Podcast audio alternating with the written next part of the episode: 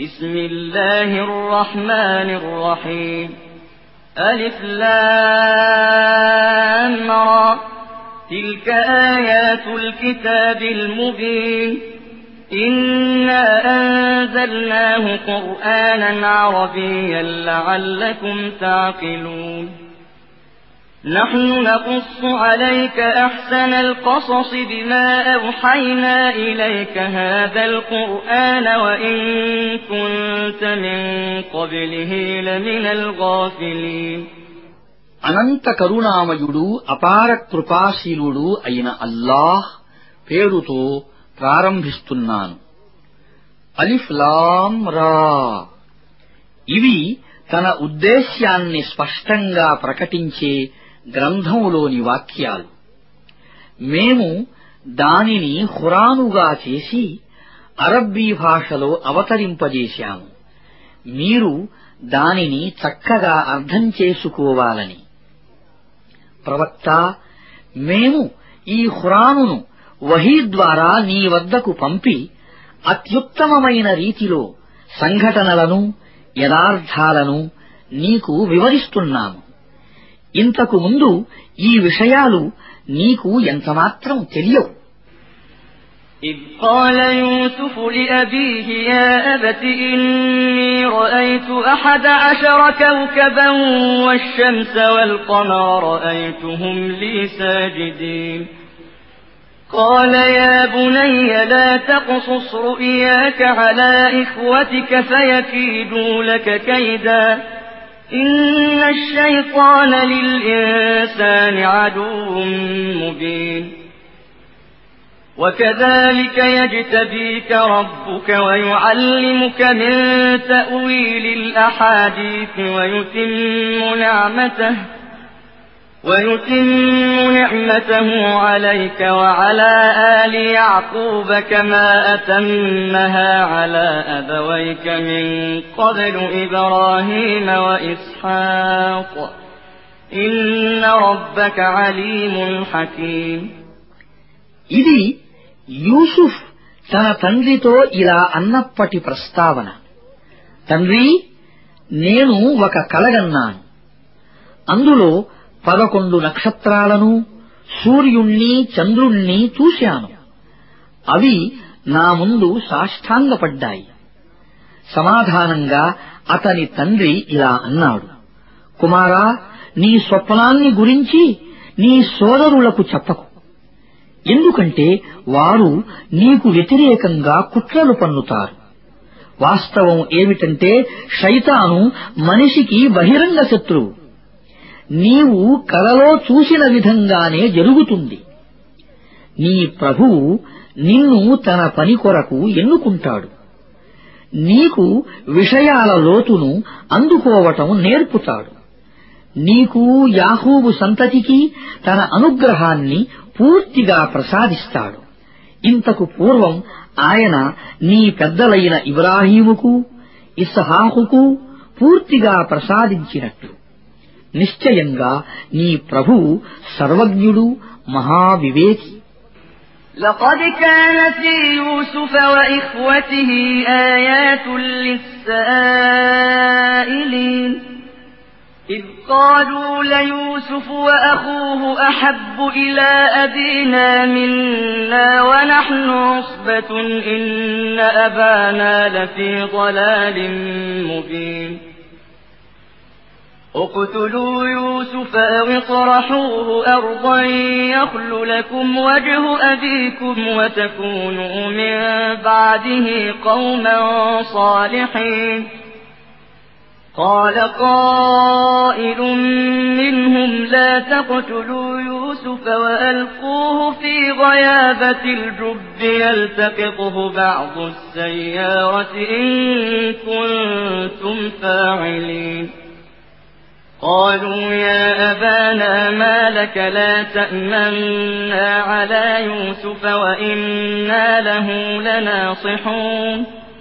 أرسله معنا غدا يرتع ويلعب وإنا له لحافظون. قال إني ليحزنني أن تذهبوا به وأخاف أن يأكله الذئب وأنتم عنه غافلون. قالوا لئن أكله الذئب ونحن عصبة إنا إذا لخاسرون.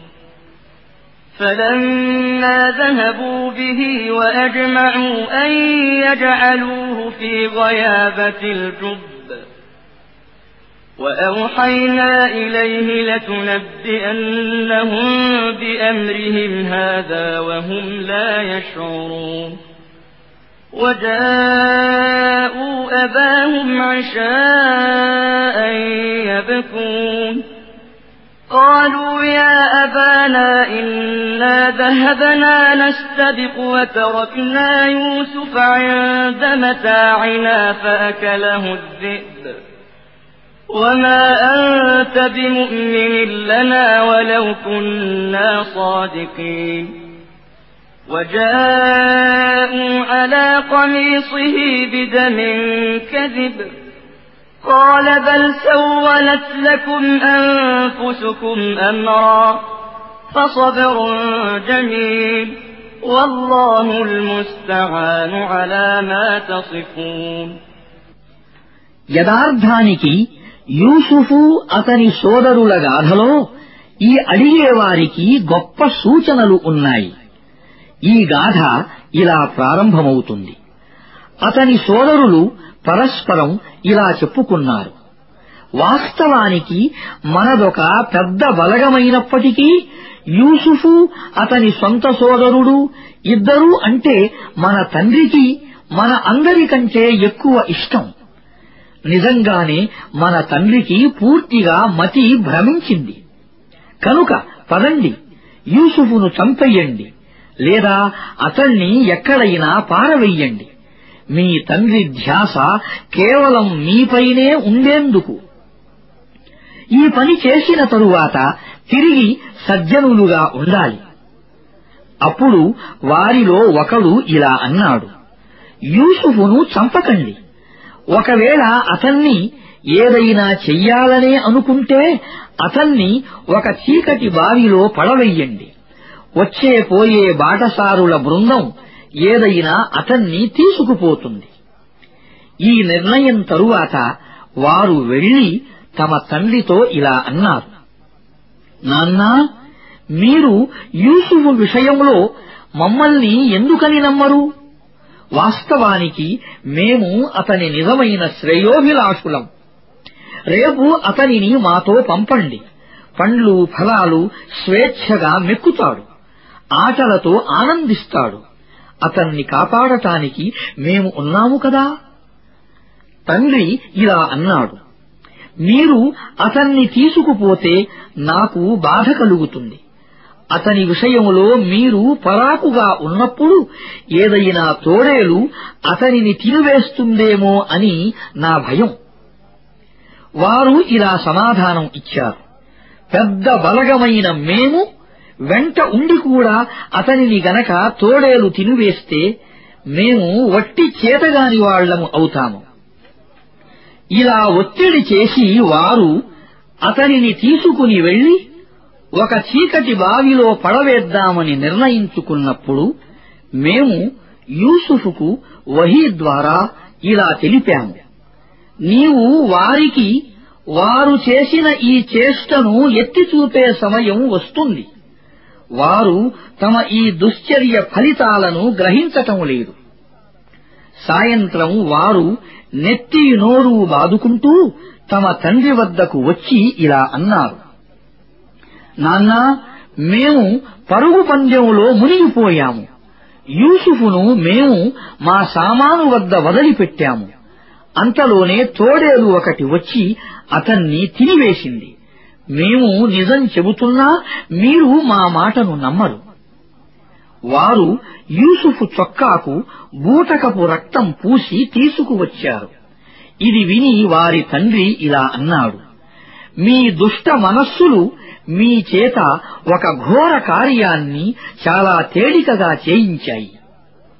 సరే ఓర్చుకుంటాను బాగా ఓర్చుకుంటాను.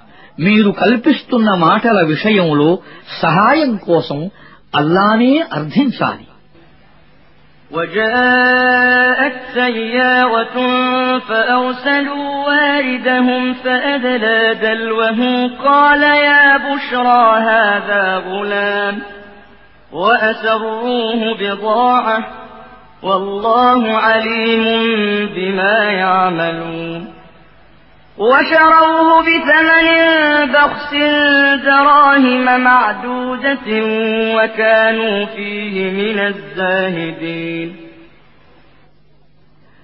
అటువైపునకు ఒక బాటసారుల బృందం వచ్చింది వారు నీళ్లు తోడే తమ నౌకరును నీళ్ల కొరకు పంపారు ఆ నౌకరు చేదను బావిలోకి వదిలినప్పుడు యూసుఫును చూసి శుభం ఇక్కడ ఒక బాలుడు ఉన్నాడు అని అరిచాడు.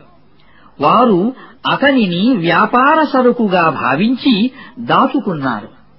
వాస్తవానికి వారు చేస్తూ ఉన్నదంతా అల్లాకు బాగా తెలుసు. చివరకు వారు స్వల్ప ధరకు కొన్ని దిర్హములకు అతనిని అమ్మివేశారు. వారు అతని ధర విషయంలో అంతకన్నా ఎక్కువ ఆశించలేదు. وقال الذي اشتراه من مصر لامرأته أكرمي مثواه عسى أن ينفعنا أو نتخذه ولدا.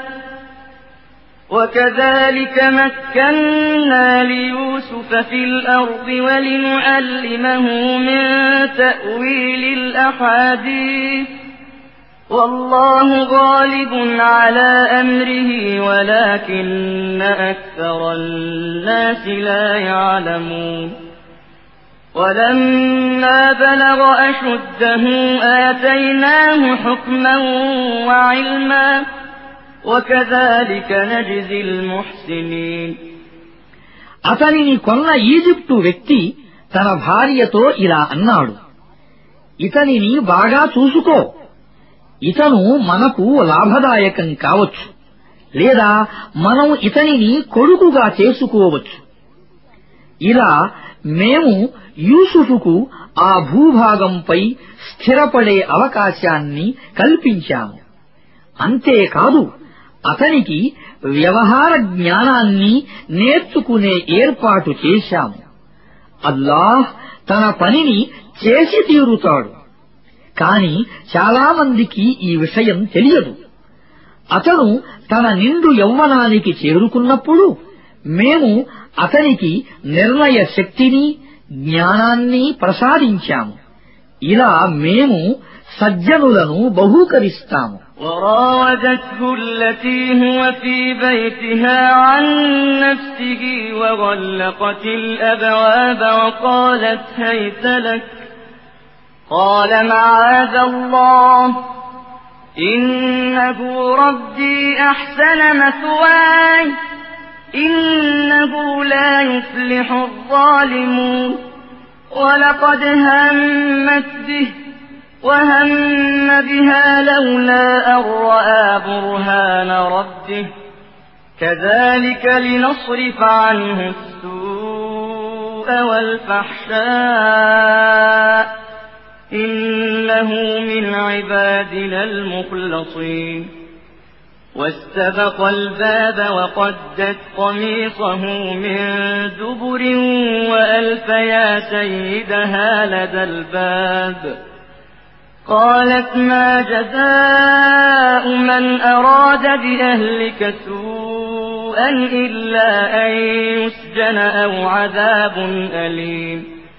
قال هي راودتني عن نفسي وشهد شاهد من أهلها إن كان قميصه قد من قبل فصدقت وهو من الكاذبين وإن كان قميصه قد من دبر فكذبت وهو من الصادقين فلما رأى قميصه قد من دبر قال إنه من كيدكن إن كيدكن عظيم.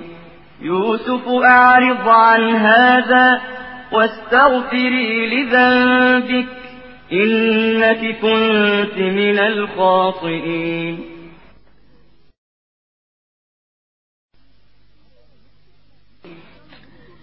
అతను ఉంటున్న ఇంటిలోని స్త్రీ అతని కోసం వల పన్నసాగింది. ఒక రోజున తలుపులు మూసి వచ్చెయ్యి అని అన్నది. యూసుఫు ఇలా అన్నాడు నేను అల్లా శరణు వేడుకుంటున్నాను. నా ప్రభువు నాకు మంచి స్థానం ప్రసాదించాడు. నేను ఈ పని ఎలా చెయ్యను? అటువంటి దుర్మార్గులు ఎన్నటికీ సాఫల్యం పొందలేరు. ఆమె అతని వైపునకు రాసాగింది. యూసుఫు కూడా ఆమె వైపునకు పోయి ఉండేవాడే. ఒకవేళ తన ప్రభువు నిదర్శనాన్ని చూసి ఉండకపోతే మేము చెడును నీతి బాహ్యతను అతనికి దూరంగా ఉంచటానికి అలా జరిగింది. వాస్తవానికి అతను మేము వరించిన దాసులలోనివాడు తుదకు యూసుఫు ఆమె ఒకరి వెనుక ఒకరు తలుపు వైపునకు పరుగెత్తారు. ఆమె వెనుక నుండి యూసుఫు చొక్కాను లాగి చింపివేసింది. వాకిలి వద్ద ఉభయులు ఆమె భర్తను చూశారు. ఆయనను చూడగానే ఆ స్త్రీ ఇలా అనసాగింది నీ ఇల్లాలిని పాడు చేసే బుద్ధి కలవాడికి శిక్ష ఏమిటి? అతనిని జైల్లో పెట్టటమో లేక తీవ్ర యాతనకు గురి చెయ్యటమో తప్ప మరొక శిక్ష ఏమవుతుంది? యూసుఫు ఇలా అన్నాడు ఈమెయే నన్ను వలలో వేసుకోవటానికి ప్రయత్నం చేసింది. ఆ స్త్రీ కుటుంబానికి చెందిన ఒక వ్యక్తి ఇలా సాక్ష్యమిచ్చాడు యూసుఫు చొక్కా గనక ముందు భాగం చినిగి ఉన్నట్లయితే అప్పుడు ఈ స్త్రీ చెప్పేది నిజం. అతను పలికేది అబద్ధం. కాని అతని చొక్కా గనక వెనుక భాగాన చినిగి ఉన్నట్లయితే అప్పుడు స్త్రీ చెప్పేది అబద్ధం ఆయన పలికేది నిజం. యూసుఫు చొక్కా వెనుక నుంచి చినిగి ఉండటాన్ని చూసిన భర్త ఇలా అన్నాడు ఇవి మీ స్త్రీల పన్నాగాలు. నిజంగా మీ పన్నాగాలు ఎంతో భయంకరంగా ఉంటాయి. యూసుఫ్ ఈ వ్యవహారాన్ని ఇంతటితో వదిలెయ్యి ఓ స్త్రీ నీవు నీ తప్పునకు క్షమాభిక్ష కోరుకో అసలు తప్పు చేసిన దానివి నీవే وقال نسوة في المدينة امرأة العزيز تراود فتاها عن نفسه قد شغفها حبا إنا لنراها في ضلال مبين فلما سمعت بمكرهن أرسلت إليهن وأعتدت لهن متكئا وآتت كل واحدة منهن سكينا وقالت اخرج عليهن فلما رأينه أكبرنه وقطعن أيديهن وقلن حاش لله ما هذا بشرا إن هذا إلا ملك كريم قالت فذلكن الذي لمتنني فيه ولقد راودته عن نفسه فاستعصم ولئن لم يفعل ما آمره ليسجنن وليكونن من الصاغرين. قال رب السجن أحب إلي مما يدعونني إليه وإلا تصرف عني كيدهن أصب إليهن وأكن من الجاهلين. فاستجاب له ربه فصرف عنه كيدهن إنه هو السميع العليم నగర స్త్రీలు పరస్పరం ఇలా చర్చించుకోసాగారు అజీజు భార్య తన పడుచు బానిస వెంట పడింది వలపు ఆమెను అదుపులో లేకుండా చేసింది మా దృష్టిలో ఆమె చేసినది స్పష్టంగా తప్పు వారి మోసపు మాటలను విని ఆమె వారికి ఆహ్వానం పంపింది. వారి కొరకు దిండ్లతో అలంకరించబడిన వేదికపై సమావేశాన్ని ఏర్పాటు చేసింది. విందులో ప్రతి ఒక్కరి ముందు ఒక్కొక్క కత్తిని పెట్టింది. తరువాత సరిగ్గా వారు పండ్లు కోసి తినే సమయంలో ఆమె యూసుఫుకు సైగ చేసింది. వీరి ముందుకు రా అని ఆ స్త్రీల చూపులు అతనిపై పడినప్పుడు వారు దిగ్భ్రమ చెందారు. తమ చేతులను కోసుకున్నారు. అప్రయత్నంగా ఇలా అరిచారు. హాషాలిల్లాహ్! ఇతను మానవుడు కాదు. ఇతను ఎవరో గొప్ప దైవదూతయే. అప్పుడు అజీజు భార్య ఇలా అన్నది. చూశారా? ఇతనే ఆ మనిషి.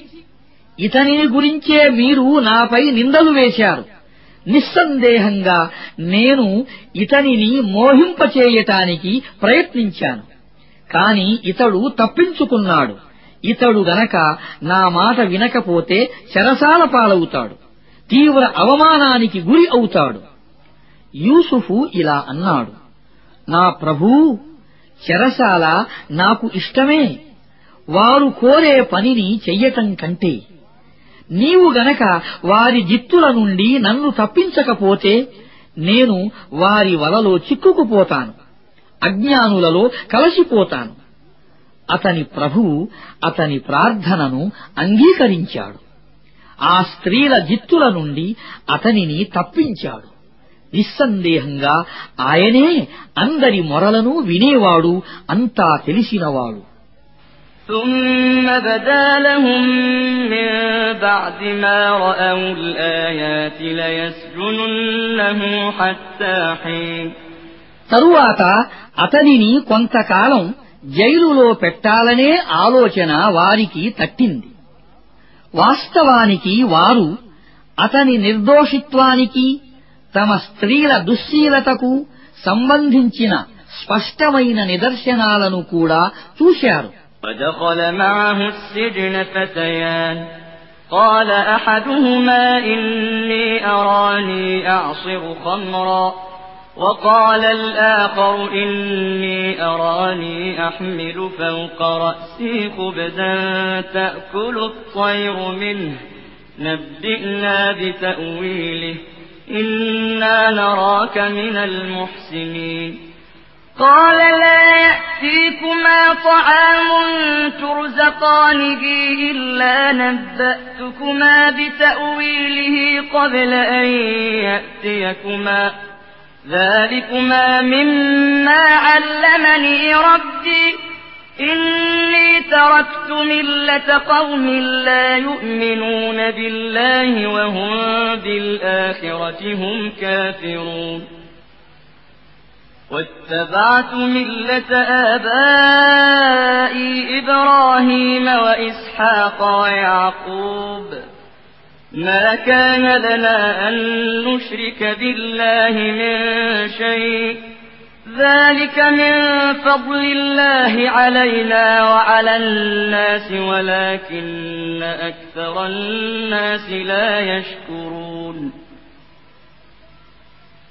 يا صاحبي السجن أأرباب متفرقون خير أم الله الواحد القهار؟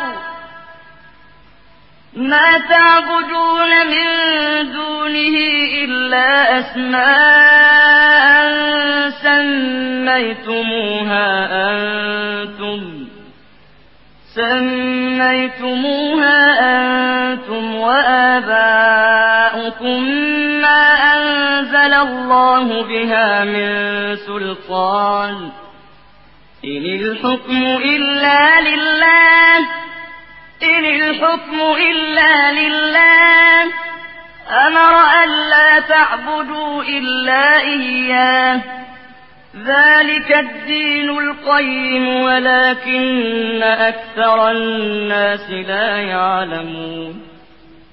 يا صاحبي السجن أما أحدكما فيسقي ربه خمرا وأما الآخر فيصلب فتأكل الطير من رأسه قضي الأمر الذي فيه تستفتيان జైలులో అతనితో పాటు ఇంకా ఇద్దరు బానిసలు కూడా ప్రవేశించారు ఒకనాడు వారిలో ఒకడు ఇలా అన్నాడు నేను సారాయి పిండుతూ ఉన్నట్లు నన్ను నేను కలలో చూశాను. రెండో అతను ఇలా చెప్పాడు నా తలపై రొట్టెలు ఉన్నాయి. వాటిని పక్షులు తింటున్నట్లు నేను చూశాను. ఉభయులు ఇలా అడిగారు మాకు వాటి భావం వివరించు. మేము చూస్తూ ఉన్నాము. నీవు చాలా మంచివాడవు. యూసుఫు ఇలా అన్నాడు ఇక్కడ మీకు ఇవ్వబడే భోజనం రాకముందు నేను ఈ స్వప్నాల భావాన్ని మీకు వివరిస్తాను. ఇది నా ప్రభువు నాకు ప్రసాదించిన విద్యలలోనిదే. అసలు విషయం ఏమిటంటే అల్లాను విశ్వసించని వారి పరలోకాన్ని తిరస్కరించే వారి విధానాన్ని నేను వదిలిపెట్టి నా పెద్దలైన ఇబ్రాహీము ఇస్హాకు యాహూబుల విధానాన్ని అవలంబించాను. ఎవడినైనా అల్లాకు భాగస్వామిగా చెయ్యటం మా విధానం కాదు. వాస్తవానికి ఇది అల్లా అనుగ్రహమే మనపైన సమస్తం మానవులపైన ఆయన మనలను తనకు తప్ప ఇతరులెవ్వరికీ దాసులుగా చెయ్యలేదు అనేది. కాని చాలామంది ప్రజలు కృతజ్ఞతలు చూపరు. నా తోటి ఖైదీలారా స్వయంగా మీరే ఆలోచించండి. చాలామంది విభిన్న ప్రభువులు మేలా లేక సర్వశక్తిమంతుడు అయిన ఏకైక దేవుడు అల్లా మేలా ఆయనకు కాదని మీరు దాస్యం చేస్తున్నవారు. మీరు మీ తాత ముత్తాతలు కల్పించుకున్న కొన్ని పేర్లు మాత్రమే తప్ప మరొకటేమీ కాదు. వారి కొరకు అల్లాహ్ ఏ నిదర్శనాన్ని అవతరింపజెయ్యలేదు పరిపాలించే అధికారం అల్లాకు తప్ప మరొకరెవరికీ లేదు. ఆయనను తప్ప మీరు ఎవరి దాస్యాన్ని చెయ్యకూడదని ఆయన ఆజ్ఞ. ఇదే శుద్ధమైన సరి అయిన జీవిత విధానం. కాని ఇది చాలామందికి తెలియదు. తోటి ఖైదీలారా మీ స్వప్నాలకు భావం ఇదిగో.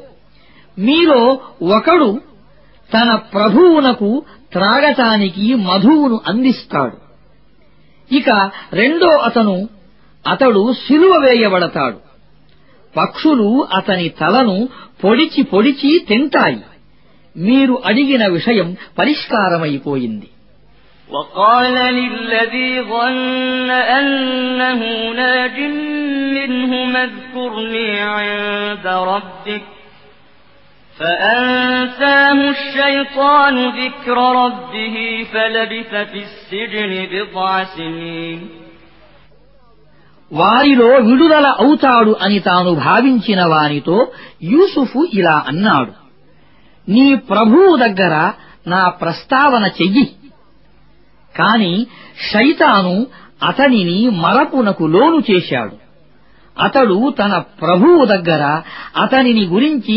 ప్రస్తావించటం మరచిపోయాడు అందుచేత యూసుఫు జైలులోనే ఎన్నో సంవత్సరాలు ఉండిపోయాడు وقال الملك إني أرى سبع بقرات سمان يأكلهن سبع عجاف يأكلهن سبع عجاف وسبع سنبلات خضر وأخر يابسات. يا أيها الملأ أفتوني في رؤياي إن كنتم للرؤيا تعبرون. قالوا أضغاث أحلام وما نحن بتأويل الأحلام بعالمين. ఒకరోజు రాజు ఇలా అన్నాడు నేను కలలో చూశాను. బలిసిన ఏడు ఆవుల్ని బక్క చిక్కిన ఏడు ఆవులు తింటున్నాయి. ఏడు ధాన్యపు వెన్నులు పచ్చగా ఉన్నాయి.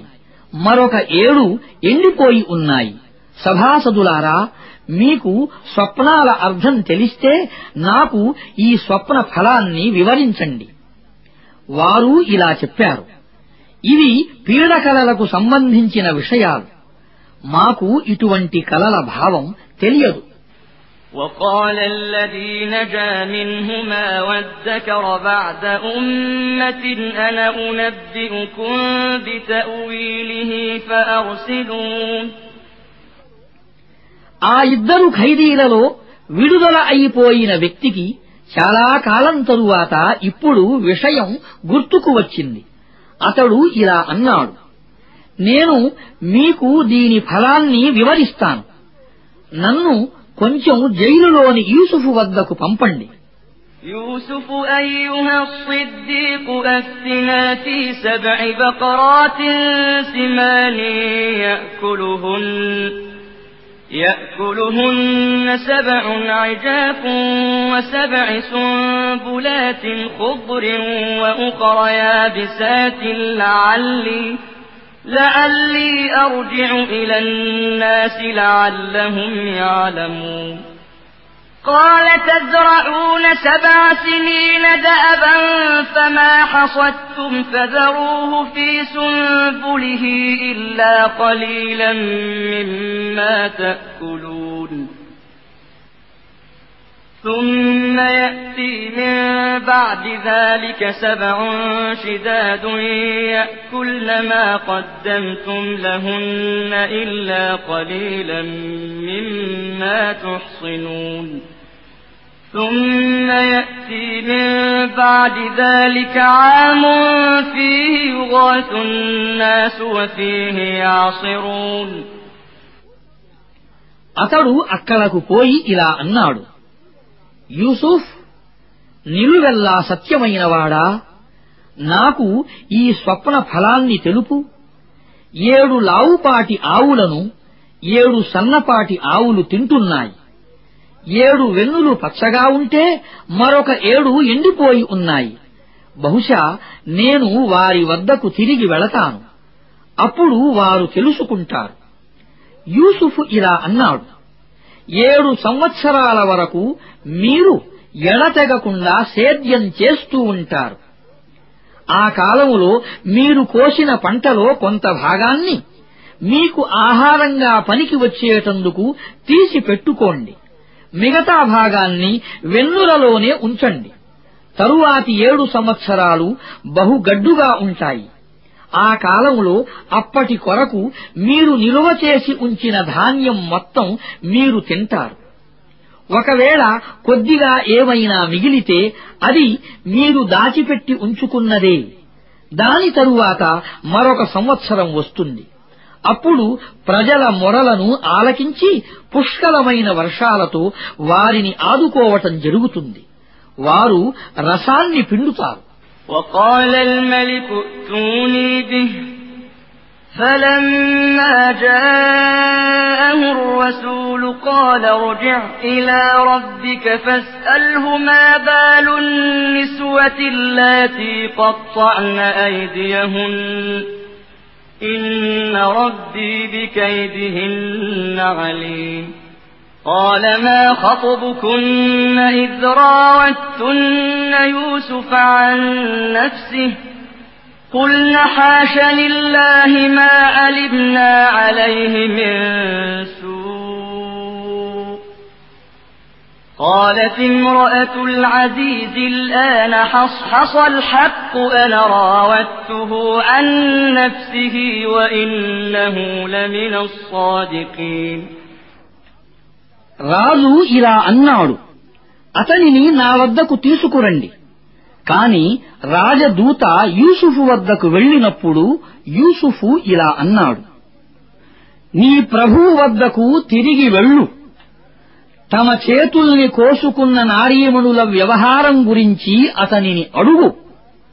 నా ప్రభువునకు వారి జిత్తులను గురించి బాగానే తెలుసు. ఆపై రాజు ఆ స్త్రీలను ఇలా విచారించాడు.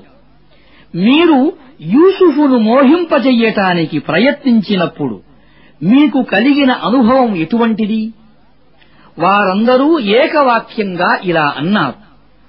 హాషాలిల్లాహ్ దేవుడు మమ్మల్ని రక్షించుగాక. మేము అతనిలో దోషలేశాన్ని కూడా చూడలేదు. అజీజు భార్య ఇలా అన్నది.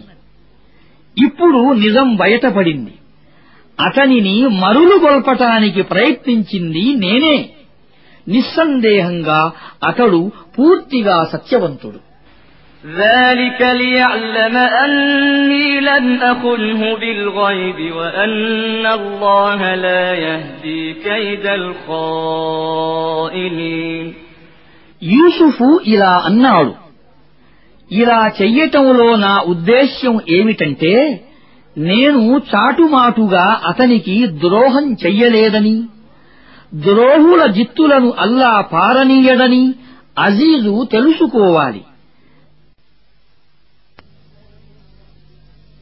بسم الله الرحمن الرحيم وما أبرئ نفسي إن النفس لأمارة بالسوء إلا ما رحم ربي إن ربي غفور رحيم అనంత కరుణామయుడు అపార కృపాశీలుడు అయిన అల్లాహ్ పేరుతో ప్రారంభిస్తున్నాను నేను నా మనస్సు నిర్దోషిత్వాన్ని చాటుకోవటం లేదు మనస్సు చెడుకై ప్రేరేపిస్తూనే ఉంటుంది నా ప్రభువు కరుణించిన వారిని తప్ప నిస్సందేహంగా నా ప్రభువు క్షమించేవాడు కరుణించేవాడును وقال الملك ائتوني به أستخلصه لنفسي రాజు ఇలా అన్నాడు అతనిని నా వద్దకు తీసుకురండి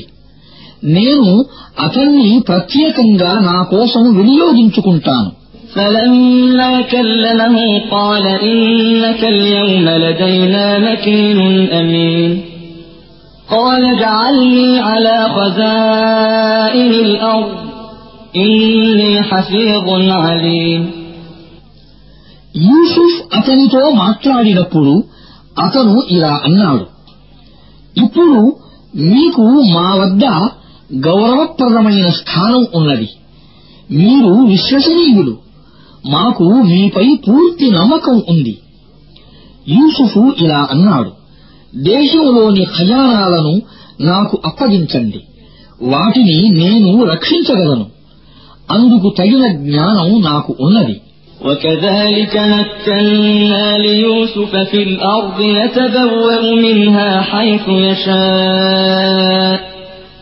نصيب برحمتنا من نشاء ولا نضيع أجر المحسنين ولأجر الآخرة خير للذين آمنوا وكانوا يتقون ఇలా మేము ఆ భూభాగంపై యూసుఫు కొరకు అధికార మార్గాన్ని సుగమం చేశాము ఆ భూభాగంపై తాను కోరిన చోట తన స్థానాన్ని ఏర్పాటు చేసుకునే హక్కు అతనికి ఉన్నది.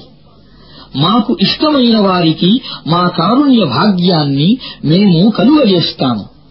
సజ్జనుల ప్రతిఫలం మా వద్ద వృధా కాదు. విశ్వసించి భయభక్తులతో వ్యవహరించే వారికి పరలోక ప్రతిఫలమే ఎక్కువ ఉత్తమమైనది. وجاء إخوة يوسف فدخلوا عليه فعرفهم وهم له منكرون.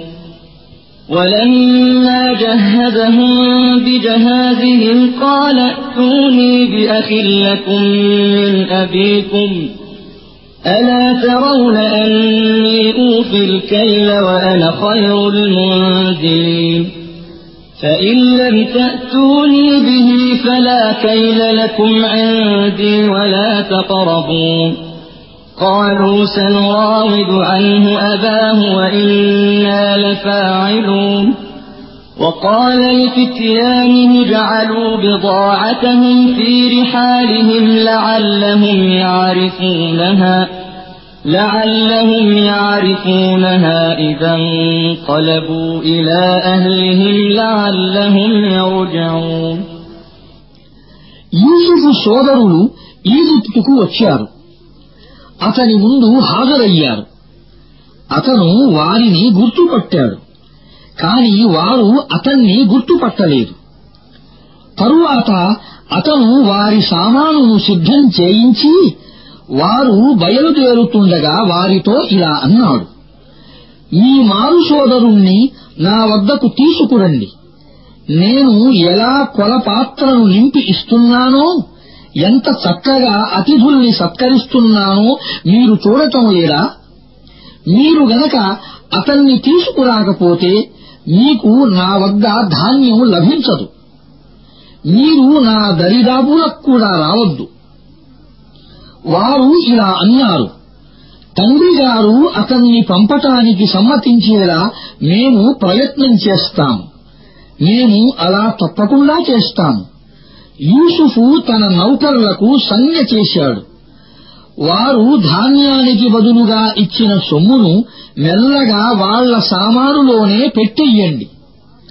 వారు ఇంటికి చేరి తిరిగి పొందిన తమ సొమ్మును గుర్తిస్తారని లేక ఈ దాతృత్వానికి కృతజ్ఞులవుతారని వారు తిరిగి వచ్చిన ఆశ్చర్యం లేదని ఆశించి యూసుఫు ఇలా చేశాడు فلما رجعوا إلى أبيهم قالوا يا أبانا منع منا الكيل فأرسل معنا أخانا نكتل وإنا له لحافظون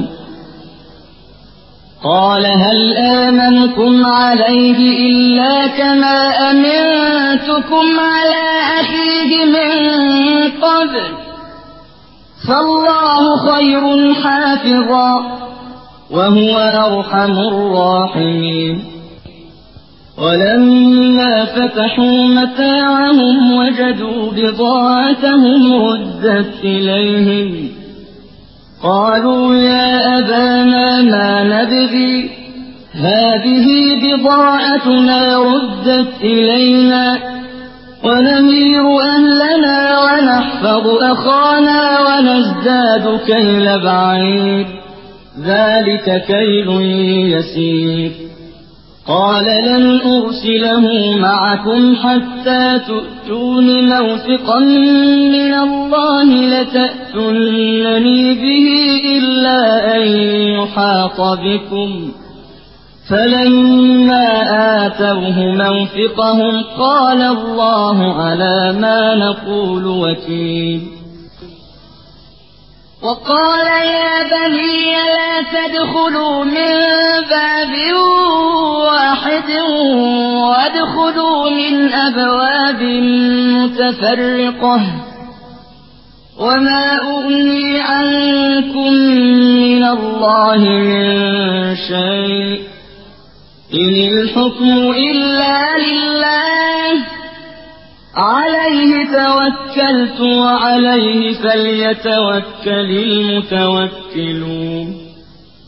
ولما دخلوا من حيث أمرهم أبوهم ما كان يغني عنهم من الله من شيء ما كان يغني عنهم من الله من شيء إلا حاجة في نفس يعقوب قضاها وإنه لذو علم لما علمناه ولكن أكثر الناس لا يعلمون వారు తమ తండ్రి వద్దకు పోయి ఇలా అన్నారు నాన్నా ఇక ముందు మనకు ధాన్యం ఇవ్వటానికి తిరస్కరించారు. కనుక ధాన్యం తెచ్చేందుకు మీరు మా తమ్ముణ్ణి మాతో పాటు పంపండి. అతన్ని రక్షించే బాధ్యత మాది. తండ్రి ఇలా సమాధానం చెప్పాడు. నేను అతని విషయంలో మిమ్మల్ని ఇదివరకు అతని సోదరుని విషయంలో నమ్మినట్లుగానే నమ్మాలా?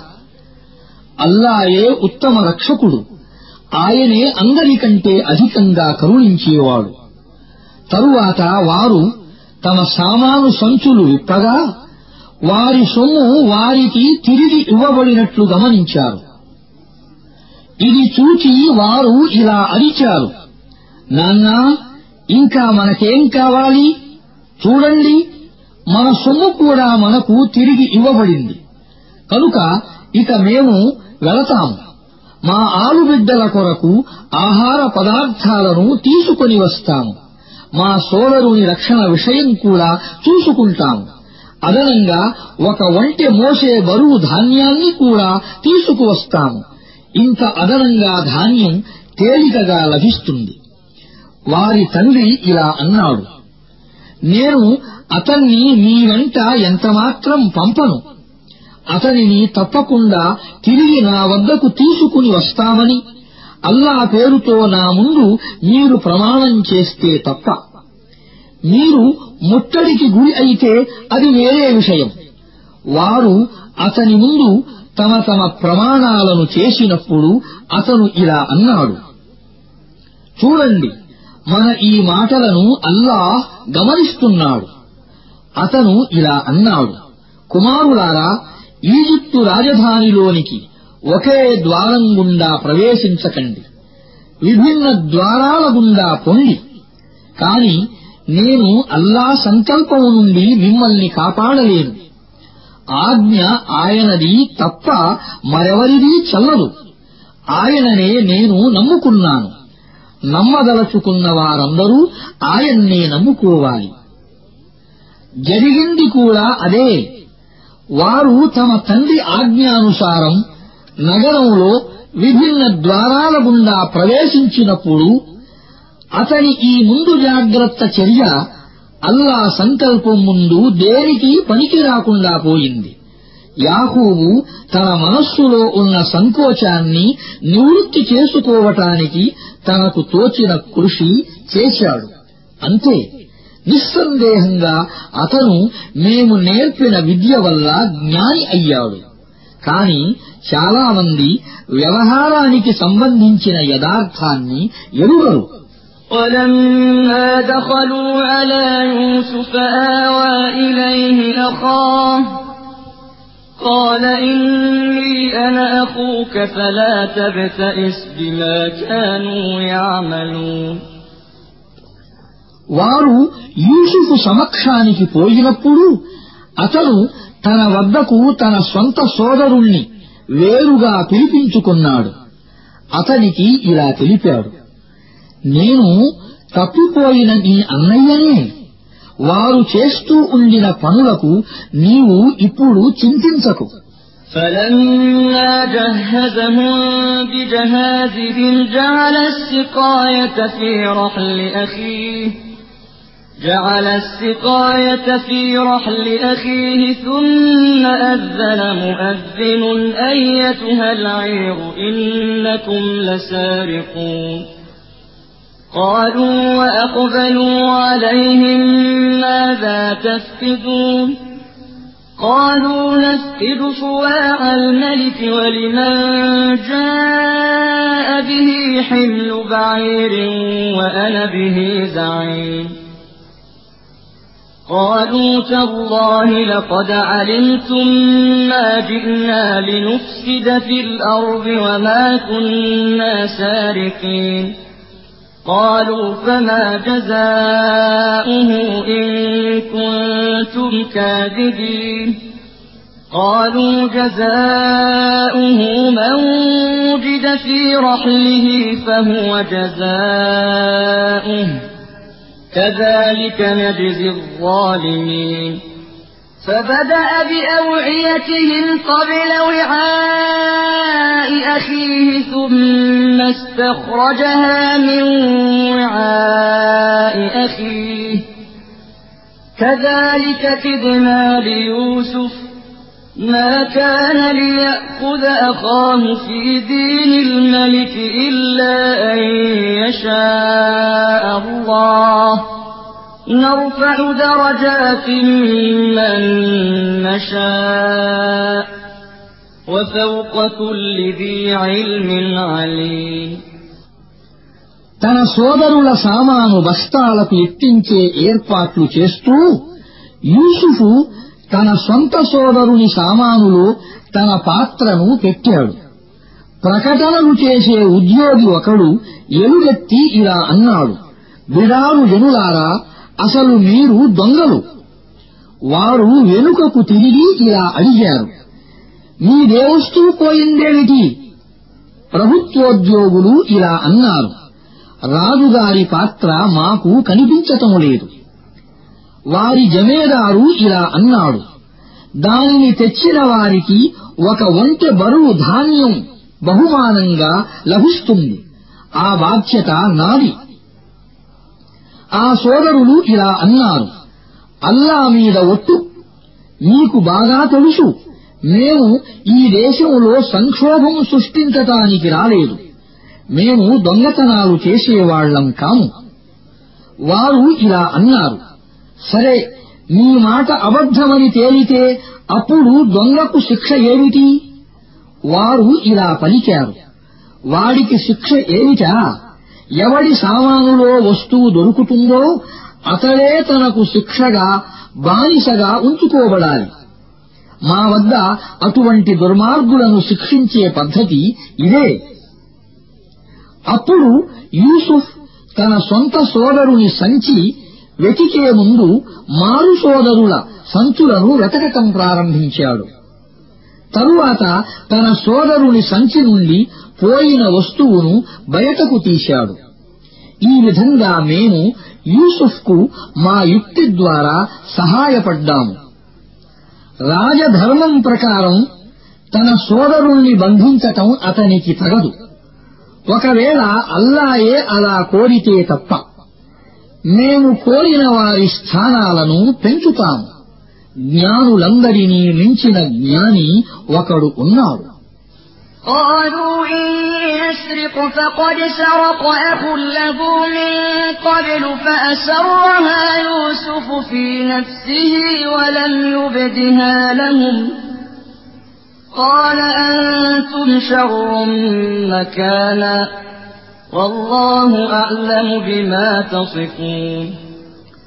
సోదరులు ఇలా అన్నారు ఇతడు గనక దొంగతనం చేస్తే ఇది అంత ఆశ్చర్యకరమైన విషయమేమీ కాదు. ఇదివరకు ఇతని సోదరుడు యూసుఫ్ కూడా దొంగతనం చేసి ఉన్నాడు. యూసుఫ్ వారి ఈ మాటలను విని తన భావాలను అణచి ఉంచాడు. యథార్థాన్ని వారి ముందు బయట పెట్టలేదు అయితే లోలోన మాత్రం ఇలా అనుకున్నాడు మీరు చాలా దుర్మార్గులు నాపై మీరు మోపుతున్న అభియోగం యొక్క వాస్తవాన్ని అల్లాహ్ బాగా ఎరుగును قالوا يا أيها العزيز إن له أبا شيخا كبيرا فخذ أحدنا مكانه إنا نراك من المحسنين قال معاذ الله أن نأخذ إلا من وجدنا متاعنا عنده إنا إذا لظالمون వారు ఇలా అన్నారు అధికారం గల ఓ నాయకుడా ఇతని తండ్రి చాలా ముసలివాడు ఇతనికి బదులు మీరు మాలో ఒకరిని ఉంచుకోండి. మేము మిమ్మల్ని మంచి మనస్సు కలవారుగా చూస్తున్నాము. యూసుఫు ఇలా అన్నాడు అల్లా రక్షించుగాక. ఎవరి వద్ద మా సొమ్ము దొరికిందో అతన్ని వదిలిపెట్టి మరొకరిని మేము ఎలా బంధించగలము? ఒకవేళ అలా చేస్తే మేము దుర్మార్గులమైపోతాము. فلما استيئسوا منه خلصوا نجيا قال كبيرهم ألم تعلموا أن أباكم قد أخذ عليكم موثقا من الله ومن قبل ما فرطتم في يوسف فلن أبرح الأرض حتى يأذن لي أبي أو يحكم الله لي وهو خير الحاكمين ارجعوا إلى أبيكم فقولوا يا أبانا إن ابنك سرق وما شهدنا إلا بما علمنا وما كنا للغيب حافظين. واسأل القرية التي كنا فيها والعير التي أقبلنا فيها وإنا لصادقون వారు యూసుఫు పట్ల నిరాశ చెంది ఒక మూలకు పోయి పరస్పరం సంప్రదించుకున్నారు వారిలో అందరికంటే పెద్దవాడు ఇలా అన్నాడు మీ తండ్రి అల్లా పేరు మీద మీ చేత ప్రమాణం చేయించుకున్న విషయం మీకు తెలియదా? లోగల యూసుఫ్ విషయంలో మీరు చేసినది కూడా మీకు తెలుసు. ఇప్పుడు నేను మాత్రం ఇక్కడి నుంచి వెళ్ళను. నా తండ్రి నాకు అనుమతిని ఇవ్వనంత వరకు లేదా అల్లాయే నా విషయంలో ఏదైనా తీర్పు చెయ్యనంత వరకు. ఎందుకంటే ఆయన అందరికంటే ఉత్తమముగా తీర్పు చేసేవాడు. మీరు వెళ్ళి మీ తండ్రితో ఇలా అనండి. తండ్రి మీ కుమారుడు దొంగతనం చేశాడు. మేము అతనిని దొంగతనం చేస్తూ ఉండగా చూడలేదు. మాకు తెలిసిన దానిని మాత్రమే మేము చెబుతున్నాము. రహస్యంగా జరిగే దానిని మేము చూడలేము కదా? మేము బస చేసిన నగరములోని వారిని మీరు అడిగి తెలుసుకోండి మేము కలసి తిరుగు ప్రయాణం చేసిన బిడారును విచారించండి మేము చెప్పేది పూర్తిగా నిజము قال بل سولت لكم أنفسكم أمرا فصبر جميل عسى الله أن يأتيني بهم جميعا إنه هو العليم الحكيم. وتولى عنهم وقال يا أسفا على يوسف وابيضت عيناه من الحزن فهو كظيم. قالوا تالله تفتأ تذكر يوسف حتى تكون حرضا أو تكون من الهالكين. قال إنما أشكو بثي وحزني إلى الله. قال إنما أشكو بثي وحزني إلى الله وأعلم من الله ما لا تعلمون. يا بني يذهبوا فتحسسوا من يوسف وأخيه ولا تيأسوا من روح الله إنه لا ييأس من روح الله إلا القوم الكافرون వారి తండ్రి ఈ గాథను విని ఇలా అన్నాడు అసలు మీ దుష్ట మనస్సులు మీ చేత మరొక ఘోర కార్యాన్ని తేలికగా చేయించాయి. సరే దీనిని కూడా సహిస్తాను. బాగా సహిస్తాను. అల్లాహ్ చివరకు వారందరినీ తెచ్చి నాతో కలుపుట జరగవచ్చు కదా? ఆయనకు సర్వమూ తెలుసు. ఆయన పనులన్నీ వివేకంతో నిండి ఉంటాయి. తరువాత అతను వారి వైపు నుండి తన ముఖాన్ని తిప్పుకొని కూర్చుండిపోయాడు. అయ్యో యూసుఫ్! అంటూ వాపోయాడు. అతను లోలోన దుఃఖంతో కృంగిపోసాగాడు. అతని నేత్రాలు తెలుపెక్కాయి. కొడుకులు ఇలా అన్నారు అయ్యో దైవమా మీరు ఒక్క యూసుఫ్నే జ్ఞాపకం చేసుకుంటూ ఉంటారు. చివరకు అతని పట్ల దుఃఖంతోనే మీరు కృషించిపోతారు. లేదా మీ ప్రాణాన్ని తీసుకుంటారు. అతను ఇలా అన్నాడు నేను నా ఆందోళనను గురించి నా ఆవేదనను గురించి అల్లాకు తప్ప మరెవరికీ ఫిర్యాదు చెయ్యను. అల్లాను నేను ఎరిగినట్లు మీరు ఎరుగరు. కుమారులారా వెళ్ళి యూసుఫును గురించి అతని సోదరుని గురించి దర్యాప్తు చెయ్యండి. అల్లా కారుణ్యం పట్ల నిరాశ చెందకండి.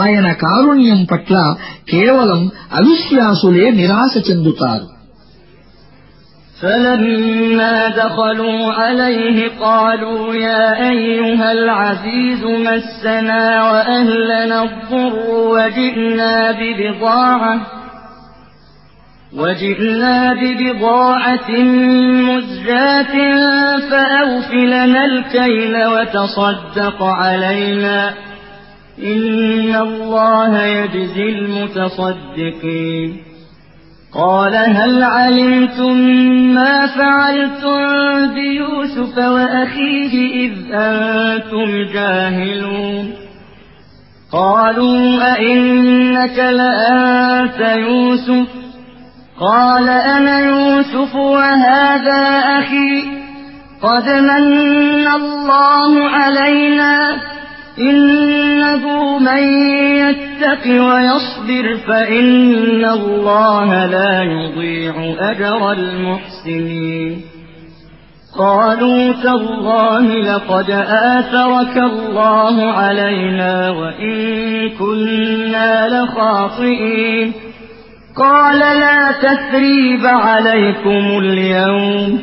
يغفر الله لكم وهو أرحم الراحمين اذهبوا بقميصي هذا فألقوه على وجه أبي يأت بصيرا وأتوني بأهلكم أجمعين వారు ఈజిప్టుకు పోయి యూసుఫు దర్బారులో ప్రవేశించి ఇలా విన్నవించుకున్నారు అధికారం గల ఓ నాయకుడా మేము మా కుటుంబము పెద్ద ఆపదకు గురి అయ్యాము. మేము కొద్ది సొమ్మును మాత్రమే తీసుకుని వచ్చాము. కనుక మీరు దయచేసి మాకు ధాన్యాన్ని పూర్తిగా ఇప్పించండి. మాకు దానం చెయ్యండి. దానం చేసేవారికి అల్లాహ్ ప్రతిఫలం ఇస్తాడు. ఇది విని యూసుఫు ఉండబట్టలేకపోయాడు. అతను ఇలా అన్నాడు అజ్ఞానంలో పడి మీరు యూసుఫు పట్ల అతని సోదరుని పట్ల ఎలా వ్యవహరించారో మీకు తెలుసా? వారు ఉలిక్కిపడి ఇలా అన్నారు ఆ ఏమిటి? నీవు యూసుఫువా? అతను ఇలా చెప్పాడు అవును నేను యూసుఫును. ఇతడు నా సోదరుడు. అల్లాహ్ మాపై దయ చూపాడు. వాస్తవం ఏమిటంటే భయభక్తులతో ఓర్మితో వ్యవహరించే సత్పురుషుల ప్రతిఫలం అల్లా వద్ద వృధా కాదు. వారు ఇలా అన్నారు అల్లా తోడు అల్లా మాకంటే నీకు ఎక్కువ ఔన్నత్యాన్ని ప్రసాదించాడు. మేము నిజంగానే దోషులము అతను ఇలా జవాబు పలికాడు ఈ రోజు మిమ్మల్ని నిందించటం జరగదు. అల్లా మిమ్మల్ని క్షమించుగాక. ఆయన అందరికంటే అధికంగా కరుణించేవాడు. వెళ్ళండి. ఈ నా చొక్కాను తీసుకుని వెళ్ళండి. నా తండ్రి ముఖంపై వేయండి. ఆయనకు తిరిగి దృష్టి వస్తుంది. మీ కుటుంబ సభ్యులందరినీ నా వద్దకు తీసుకురండి. ولما فصلت العير قال أبوهم إني لأجد ريح يوسف لولا أن تفندون قالوا تالله إنك لفي ضلالك القديم ఇక్కడ ఆ బిడారు ఈజిప్టు నుండి బయలుదేరినప్పుడు అక్కడ కనాన్లో వారి తండ్రి ఇలా అన్నాడు నాకు యూసుఫు పరిమళం స్ఫురిస్తోంది ముసలితనం వల్ల నా మతి చెలించిందని మీరు అనుకోవచ్చు అతని ఇంటివారు ఇలా అన్నారు అల్లా తోడు మీరు ఇంకా పాత పిచ్చిలోనే పడి ఉన్నారు فلما أن جاء البشير ألقاه على وجهه فارتد بصيرا قال ألم أقل لكم إني أعلم من الله ما لا تعلمون؟ قالوا يا أبانا استغفر لنا ذنوبنا إنا كنا خاطئين. قال سوف أستغفر لكم ربي إنه هو الغفور الرحيم. తరువాత శుభవార్తాహరుడు వచ్చి యూసుఫు చొక్కాను యాహూబు ముఖంపై వేశాడు. హఠాత్తుగా ఆయనకు మళ్ళీ దృష్టి వచ్చింది. అప్పుడు అతను ఇలా అన్నాడు నేను మీకు చెబుతూ ఉండేవాణ్ణి కాదా? మీకు తెలియంది అల్లా తరఫు నుండి నాకు తెలుసని. అంతా ఇలా అన్నారు నాన్నా మా పాపాలను క్షమించవలసిందిగా మీరు అల్లాను ప్రార్థించండి. మేము నిజంగానే దోషులం. అతను ఇలా అన్నాడు. మిమ్ములను క్షమించవలసినదిగా నేను నా ప్రభువును అర్థిస్తాను ఆయన అమితంగా క్షమించేవాడు కరుణించేవాడును.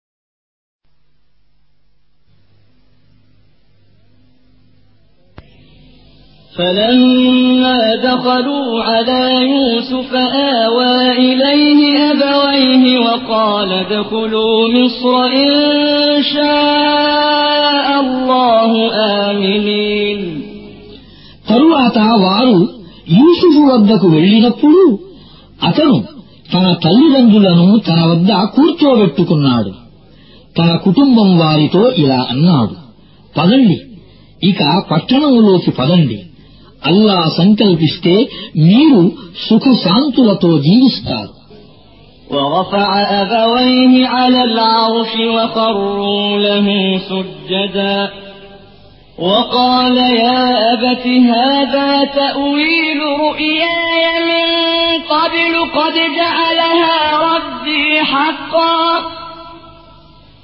وقد أحسن بي إذ أخرجني من السجن وجاء بكم من البدو من بعد أن نزغ الشيطان بيني وبين إخوتي. إن ربي لطيف لما يشاء. إنه هو العليم الحكيم. رب قد آتيتني من الملك وألمتني من تأويل الأحاديث. فاطر السماوات والأرض أنت ولي في الدنيا والآخرة. توفني مسلما وألحقني بالصالحين. పట్టణంలోకి ప్రవేశించిన తరువాత అతను తన తల్లిదండ్రులను తన చేతులతో ఎత్తి సింహాసనం మీద తనతో కూర్చోబెట్టుకున్నాడు. అందరూ అతని ముందు అప్రయత్నంగా సజదాలో పడిపోయారు. యూసుఫు ఇలా అన్నాడు తండ్రి నేను పూర్వం కన్న కలకు ఇది ఫలం. నా ప్రభువు దానిని నిజం చేశాడు. అంతా ఆయన దయ. ఆయన నన్ను కారాగారం నుండి బయటకు తీశాడు. మిమ్మల్ని ఎడారి నుండి తీసుకుని వచ్చి నాతో కలిపాడు. వాస్తవానికి శైతాను నా మధ్య నా సోదరుల మధ్య కలహాన్ని సృష్టించాడు. యథార్థం ఏమిటంటే నా ప్రభువు ప్రజలు గ్రహించలేని యుక్తుల ద్వారా తన సంకల్పాన్ని నెరవేరుస్తాడు. నిస్సందేహంగా ఆయన తెలిసినవాడు వివేకవంతుడూను. నా ప్రభు నీవు నాకు అధికారాన్ని ప్రసాదించావు. మాటల లోతును అందుకోవటం నేర్పావు. భూమి ఆకాశాల నిర్మాత నీవే ఇహపరలోకాలలో నాకు సంరక్షకుడవు. నేను ఇస్లాము ధర్మంలో ఉన్న స్థితిలోనే నా జీవితాన్ని సమాప్తం చెయ్యి. చివరకు నన్ను సజ్జనులతో కలుపు ذلك من أنباء الغيب نوحيه إليك وما كنت لديهم إذ أجمعوا أمرهم وهم يمكرون وما أكثر الناس ولو حرصت بمؤمنين وما تسألهم عليه من أجر إن هو إلا ذكر للعالمين ప్రవక్త ఈ గాథ అగోచర విషయాలలోనిది దానిని మేము నీకు వహీ ద్వారా తెలియజేస్తున్నాము ఎందుకంటే యూసుఫు సోదరులు పరస్పరం కూడబలుక్కొని కుట్ర పన్నిన సమయంలో నీవు లేవు కదా కాని ఎంతగా నీవు కోరినా వీరిలో చాలామంది విశ్వసించరు. వాస్తవానికి నీవు ఈ సేవకు వారి నుండి ఏ విధమైన ప్రతిఫలాన్ని కూడా కోరటం లేదు. ప్రపంచంలోని ప్రజలందరికీ ఇది ఒక హితబోధ. وكأين من آية في السماوات والأرض يمرون عليها وهم عنها معرضون وما يؤمن أكثرهم بالله إلا وهم مشركون أفأمنوا أن تأتيهم غاشية من عذاب الله أو تأتيهم الساعة بغتة وهم لا يشعرون؟ قل هذه سبيلي أدعو إلى الله على بصيرة أنا ومن اتبعني وسبحان الله وما أنا من المشركين. భూమిలో ఆకాశాలలో ఎన్ని సూచనలు లేవు? కాని వారు వాటిని చూస్తూ పోతూ ఉంటారు. కొంచెమైనా గమనించరు. వారిలో అల్లాను విశ్వసించేవారు ఎంతమంది లేరు? కాని వారు ఆయనతో పాటు ఇతరులను భాగస్వాములుగా నిలబెడుతూ ఉంటారు. దైవ శిక్షకు సంబంధించిన ఆపద ఏదీ వారిని చుట్టుముట్టదని తెలియకుండా వారిపైకి ప్రళయ ఘడియ అకస్మాత్తుగా వచ్చి పడదని వారు నిశ్చింతగా ఉన్నారా? నీవు వారికి స్పష్టంగా ఇలా తెలియజెయ్యి. నా మార్గం ఇది. నేను అల్లా వైపునకు పిలుస్తాను.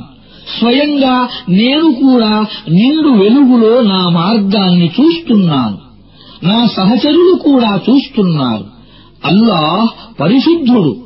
షిర్కు చేసేవారితో నాకు ఏ సంబంధమూ లేదు وما أرسلنا من قبلك إلا رجالا نوحي إليهم من أهل القرى أفلم يسيروا في الأرض فينظروا كيف كان عاقبة الذين من قبلهم ولدار الآخرة خير للذين اتقوا أفلا تعقلون؟ حتى إذا استيأس الرسل وظنوا أنهم قد كذبوا جاءهم نصرنا فنجي من نشاء. ولا يرد بأسنا عن القوم المجرمين. ప్రవక్త నీకు పూర్వం మేము పంపిన ప్రవక్తలందరూ కూడా మానవులే. ఈ పట్టణ వాసులలోని వారే. వారి వైపునకే మేము వహీని పంపుతూ వచ్చాము. ఆ ప్రజలు భూమిపై సంచారం చెయ్యలేరా తమకు ముందు గతించిన జాతుల వారి ముగింపును వారు చూడలేదా? నిశ్చయంగా పరలోక గృహం భయభక్తుల వైఖరిని అవలంబించిన వారికి ఎంతో మేలైనది ఇప్పుడు కూడా మీరు అర్థం చేసుకోరా? పూర్వపు ప్రవక్తల విషయంలో కూడా ఇలానే జరిగింది. వారు ఎంతో కాలం హితబోధ చేశారు. అయినా ప్రజలు వినలేదు. చివరకు ప్రవక్తలు ప్రజలను గురించి నిరాశ చెందినప్పుడు ప్రజలు కూడా తమకు అబద్ధం చెప్పబడిందని భావించినప్పుడు అకస్మాత్తుగా మా సహాయం ప్రవక్తలకు చేరింది అటువంటి సమయం ఆసన్నమైనప్పుడు మా సంప్రదాయం ఏమిటంటే మేము కోరిన వారిని రక్షించుకుంటాము కాని మా శిక్షను దోషులపై పడకుండా తొలగించటం సాధ్యం కాదు لقد كان في قصصهم عبرة لأولي الألباب ما كان حديثا يفترى ولكن تصديق الذي بين يديه ولكن تصديق الذي بين يديه وتفصيل كل شيء وهدى ورحمة لقوم يؤمنون పూర్వపు ప్రజలకు సంబంధించిన ఈ గాథలలో బుద్ధి స్పృహ ఉన్నవారికి ఒక గుణపాఠం ఉన్నది. ఖురానులో చెప్పబడుతున్న ఇవన్నీ కల్పిత విషయాలు కావు. వాస్తవానికి ఇవి ఇదివరకు వచ్చిన గ్రంథాలకు ధృవీకరణ ప్రతి విషయానికి వివరణ. విశ్వసించే వారికి హితబోధ కారుణ్యమును.